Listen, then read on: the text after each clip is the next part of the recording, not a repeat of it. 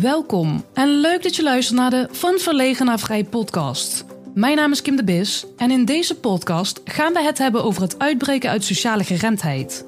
Dit doe ik door het delen van mijn verhaal, interviews, tips en tricks om jou te helpen dichter bij jezelf te komen. Zodat je kan gaan focussen en bouwen aan dromen en verlangens in jouw verlegen vrij leven. Ik wens je veel luisterplezier.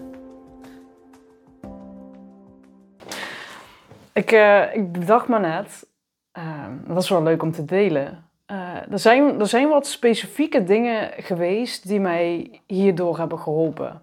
Hier doorheen hebben geholpen. Door ehm, nou, verlegenheid, hoe je het dan ook wel weer wil noemen. Hè? Verlegenheid klinkt. Ik vind echt, ik vind nu. Verlegenheid, vind ik, ik vind het een beetje suf klinken ook, verlegenheid. Dat klinkt heel klein en bijna schattig. En verlegenheid. Ja, goed. Ehm, maar er zijn dus wat dingen die hebben mij daar echt flink doorheen geholpen. En die blijven ook helpend. En die blijf ik ook toepassen en die blijf ik ook doen. En um, nou goed, deze podcast, ik weet dus niet waar naartoe gaat. Uh, maar ik blijf gewoon er lekker mee doorgaan. Op een manier die voor mij nou ja, lekker dicht bij mezelf blijft staan. En um, wat ik ook wil doen is hier uh, projecten aan koppelen. Weet je, dat het ook echt nou, misschien ook meer een waarde levert. Uh, uh, dat er ook wat meer diversiteit in komt. Uh, ja, dat het wat meer gaat leven. Zoiets, denk ik. maar goed, um, even terug naar uh, dingen die mij hebben geholpen. wat ik ook echt nooit meer zal vergeten. Ik heb vorig jaar heb ik een, um, een sales training gedaan. Uh, sales en commerciële vaardigheden was dat. Uh, en dat heeft mij zoveel geholpen. Echt hele simpele uh, tools die het gewoon zoveel eenvoudiger maken. Um, maar goed, het is misschien wat meer gericht op als jij echt een gesprek hebt met iemand voor een sollicitatie. Of, maar goed, dan, dan weet je waar het voor is. Maar of, of, dit was echt gericht eigenlijk op klanten. Maar ik gebruik het nog steeds. Uh, ook als ik bijvoorbeeld een telefoongesprek moet voeren met uh, uh, iemand voor in de podcast. Daar pas ik eigenlijk al die dingen die ik heb geleerd ook toe. en wat dat dan is.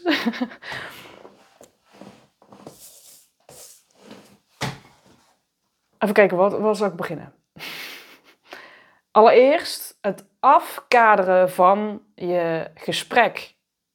Dat deed ik nooit. En wat ik daarmee bedoel, um, wat ik eerst deed. Nou, bijvoorbeeld, dan had ik een uh, potentiële klant.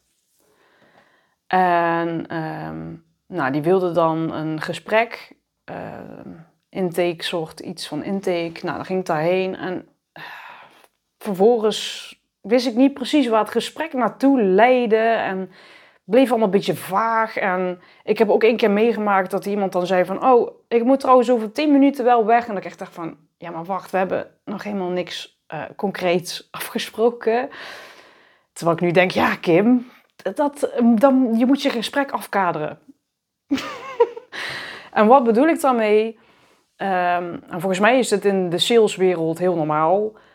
Uh, maar dat is dat je in het begin van je gesprek al um, meteen de dingen afkadert, um, vraagt en weet uh, hoe lang hebben we de tijd om dit gesprek te voeren? Wanneer moet het uh, klaar zijn? Um, dat is echt een, echt een belangrijke. Hoe lang in godsnaam heb je de tijd? Dus, bedoel, als je het in een kwartier moet af gaan handelen of in een uur de tijd, ja, dat is een verschil. En soms wordt, is dat in het begin gewoon helemaal niet duidelijk. Dus voor, geef voor jezelf ook meer rust.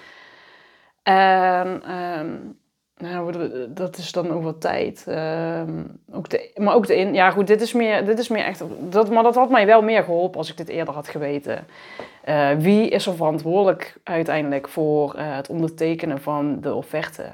Dat, eh, dat vroeg ik ook nooit. Weet je, dan, uh, dan heb je het afgesproken en dan laat daarna blijkt dat er nog iemand anders ook overheen moet kijken. Waardoor het, dan denk je, ja, kan die persoon er niet meteen bij zijn? Of um, uh, dat, was dan al handiger geweest. Dat had ik dan van tevoren ook kunnen afspreken. Maar dat zijn allemaal van die dingen. Dan sta je tenminste ook niet voor, voor verrassingen. Als je het van tevoren gewoon weet. Hey, uh, hoe lang hebben we de tijd? Wie is er verantwoordelijk voor datgene waar we het over gaan hebben? Wat moet er besproken worden? Wat zijn de vragen die ik beantwoord wil hebben uh, na het afloop van dit gesprek?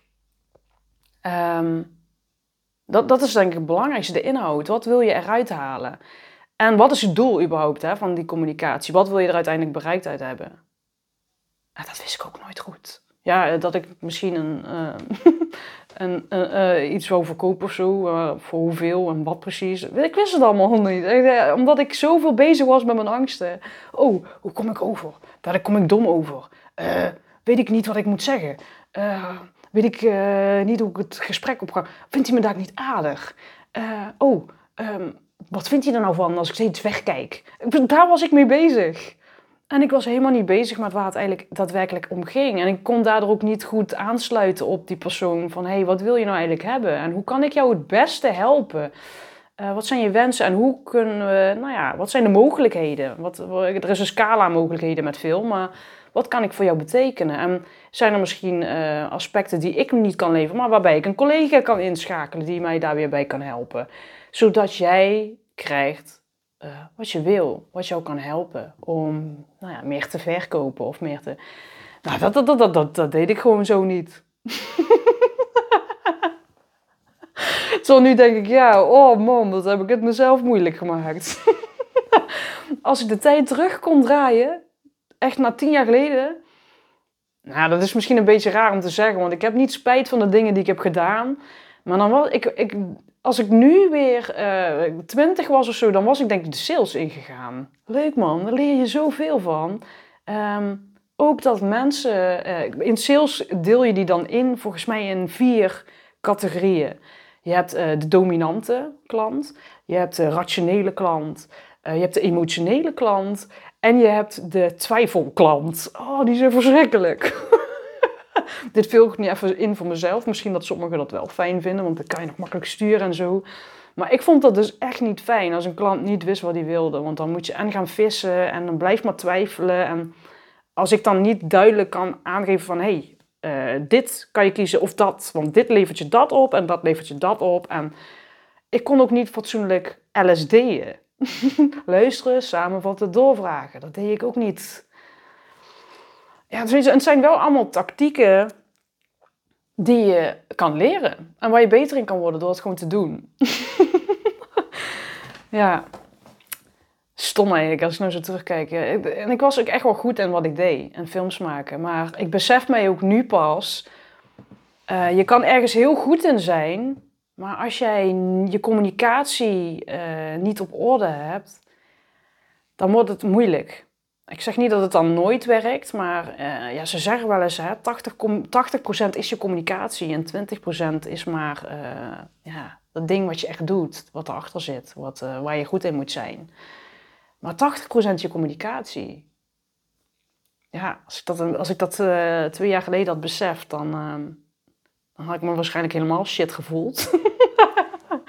Nee, maar dat voelde ik al. Dus daarom uh, ben ik er ook veranderingen in gaan brengen. Want communicatie is gewoon belangrijk. En um, ja, goed, de een vindt het wat moeilijker dan de ander. Maar er is altijd een manier um, waarop je het zo kan invullen, die communicatie. Zodat je dicht bij jezelf kan blijven. Zodat je het voor jezelf eenvoudig kan houden.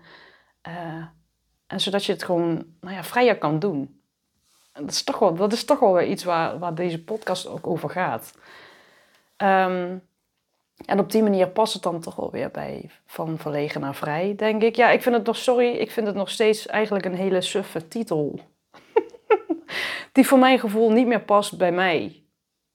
Verlegen. Ik zit wel echt meer op het stukje hier van, oké, hoe pas je nu de dingen, hoe pas je nou je communicatie zo toe dat het ook echt werkt? En dat is voor mij nog steeds een zoektocht en... Uh, ik merk dat ik daar ook wel echt, ja, als je gaat kijken naar sales, hè, dan heb je dat, dat, dat is volgens mij bestaat het al zo lang, dat LSD je luisteren, samenvatten, doorvragen. Dat is echt, echt iets wat ik echt toepas en wat ik ook ja, heb geleerd tijdens de NLP practitioner opleiding. Dat is echt wel belangrijk, luisteren. En nou ja, weet je, um, ik ben heel introvert. En volgens mij kan je wel stellen dat over het algemeen mensen die introvert zijn, die zijn goed in luisteren. En heel veel mensen zijn, nou ja, niet zo goed in luisteren. die, uh, die, die horen wel, maar die luisteren niet echt. En, daar liggen wel echt de skills van iemand die introvert is. En dat zag ik eerst ook nooit. Ik denk, oh ja, introvert, dat is uh, verlegen. En uh, die komen nooit op de voorgrond. En die laten zichzelf niet horen. En die durven niks. En nee, introvert is juist ook heel krachtig. Want die kunnen goed luisteren. Echt luisteren. Kunnen het ook beter in zich opnemen. Nou ja, niet per se beter. Maar die kunnen dat in ieder geval goed opnemen. En die kunnen uh, beter voelen. Die kunnen beter dan zeg je toch weer beter, hè? het is niet per se beter, maar die kunnen in ieder geval goed uh, het aanvoelen en uh, uh, inleven en ehm, empath ja, hoog empathisch vermogen. Ja, dat. en dat is juist super fijn. En ik, ik zet het nu gewoon echt in als een kracht. Ja, ik ben heel blij dat ik heel goed kan luisteren. Um, ik ben misschien wat minder uh, de persoon die zelf uh, de verhalen gaat vertellen. Dat vind ik heel fijn aan mijn werk. Ik stel heel veel vragen als uh, host, als interviewer in de podcast. Ja, van, van GZ-plein heb ik het nu over. Dat is gewoon mijn werk. Ik vind dat super tof. Echt. Ik hoef alleen maar goed te luisteren, aan te sluiten. Uh, jongen, hoe vaak ik kippenvel heb in zo'n gesprek, omdat ik het gewoon voel. En ik vind het super gaaf dat, uh, ja, dat, die mensen weer op hun manier de wereld een stukje mooier proberen te maken. uh, ja, en dan dat stukje samenvatten en doorvragen. En dan zo'n vragen stellen ja, waarop ze zelf ook weer helemaal op aangaan. En leuk. Ik vind dat echt leuk. Um, maar dat, dat heb ik echt van die sales uh, dingen wel Dat heb ik daar echt wel van geleerd. Dat afkaderen. Um, iedereen kan leren beter te worden in eh, LSD'en. Luisteren, samenvatten, doorvragen. Iedereen kan beter worden in. Nou, gewoon, weet je, maar als je, als je het vaak genoeg doet, dan ga je het ook meer eigen maken. Die, uh, die tactieken. Um, ja, en hoe vaker je het gaat doen, hoe makkelijker het wordt. Dat blijf ik zeggen. Um, waar ik ook veel van heb geleerd. Ik zie dat we al twaalf minuten bezig zijn. Maar is de... Ja, sowieso NLP. Weet je, kan je van vinden wat je ervan wil vinden. Dat heeft mij zoveel geleerd. Um, en ik begrijp nu ook heel goed waardoor dat komt. Je gaat um, bij die interventies... Je gaat steeds terug, hè. Dus we hebben, we hebben een keer heb, heb ik um, uh, outcome model heb ik doorlopen in een podcastaflevering... Um, ik kan me voorstellen dat dat zo in een podcastaflevering niet helemaal lekker werkt. Maar als jij opschrijft, ik even nog heel kort, je schrijft op wat is je probleem of je uh, present state, hè, de situatie die je wilt veranderen. Dus die opschrijft en heel concreet maakt in een context waarin dat is gebeurd. Uh, dus uh, bijvoorbeeld vorige week, met wie was je, met die en die, waar was je? Nou, ik was daar. Wat wil je veranderen? Dat wil je veranderen. Nou, wat zou je daar eigenlijk hebben gewild? En wat levert jou dat op? Wat houdt jou tegen? En wat zou je nodig hebben om uiteindelijk dat te kunnen doen wat je graag zou willen? Als je dat al helder opschrijft voor jezelf, dan krijg je ook al meer inzicht. Dat, dat wil ik even zeggen. Dat is niet dat je daar meteen mee verandert. Maar je krijgt heel veel inzicht over van, hé, hey, hoe doe ik nou eigenlijk? Um, als ik dat wel zou doen zoals ik het eigenlijk zou willen, waar je niet zo concreet normaal over nadenkt, en uh, nou ja, goed besef van hé, hey, dat levert mij dat en dat op. En wat houdt mij nou eigenlijk tegen en uh, wat zou ik nodig hebben? Als je dat heel concreet weet, um, dat is al jouw eerste stap van die bewustwording. Van hé, hey, dit is eigenlijk mogelijk. Dit is eigenlijk wat er speelt. En dit is eigenlijk wat ik zou willen en wat ik nodig zou hebben. En blablabla. En als je dan vervolgens inderdaad in zo'n interventie ingaat, ja, dat is echt zo vet, hè? Echt zo vet. Um, nou ja, als je dan je, het is eigenlijk een soort bijna hypnotische staat waarin je dat ook kan doen. Als je dan je ogen sluit en je gaat echt terug naar zo'n moment. En je gaat terug naar een moment waarop je een bepaald gevoel had die je wel zou willen in die situatie. Maar als je je ogen sluit en je gaat terug naar zo'n moment en je voelt hoe dat voelt en welk gevoel dat allemaal met zich meeleeft en hoe ziet het eruit en waar voel je dat in je lichaam en Uh, hoe, voel je dat in je, hoe voel je dat in je lichaam? Hè? Bijvoorbeeld spieren ontspannen. En, uh, en, hoe kijk je? Omdat het zo gaat leven, kan je het ook echt uh, je lichaam leren hoe het is om dat te voelen in een bepaalde situatie. Dat klinkt misschien zo heel vaag. Maar juist omdat je dat zo lichaams-eigen op dat moment gaat maken, kan je het, voel je ook echt van ja, weet je, dit kan ik gewoon ook in de toekomst, kan ik dit gewoon ook neer gaan zetten. Uh, je werkt dan ook met die, met die ankertjes. Dat is echt super gaaf. Bijvoorbeeld een kinesthetische anker. Um, ja, dit is misschien nu even te lang om dat zo uit te leggen. Maar dat is wel echt super tof. Uh, dat je dat gewoon zo praktisch kan toepassen in een situatie waarop je het even nodig hebt. Om bijvoorbeeld zelfvertrouwen te voelen of wat dan ook, kracht of liefde of harmonie of rust. ja, nou dat, dat heeft mij ook heel veel geholpen. Er zijn nog wel meerdere dingen die mij heel erg hebben geholpen, maar ja. Ja. dat was hij. Nou, leuk man. Tot de volgende. Super leuk dat je luisterde naar de Van Verlegen naar Vrij podcast. Ik hoop dat je ervan hebt genoten en dat je er iets mee kan. Vond je dit nou interessant? Abonneer je dan op deze podcast en laat een review achter in de podcast-app waarmee je deze podcast luistert. Ook kan je mij helpen het bereik te vergroten door de podcastlink te delen met je vrienden en bekenden via je socials. Ik vind het erg leuk om berichten te ontvangen van luisteraars om te horen wat je van de podcast vindt. Mocht je nou vragen, suggesties of inzichten hebben gekregen door de podcast, stuur dan een bericht via Facebook of Instagram. Je kan me vinden op mijn naam, Kim de Bis. Bedankt voor het luisteren en tot de volgende keer.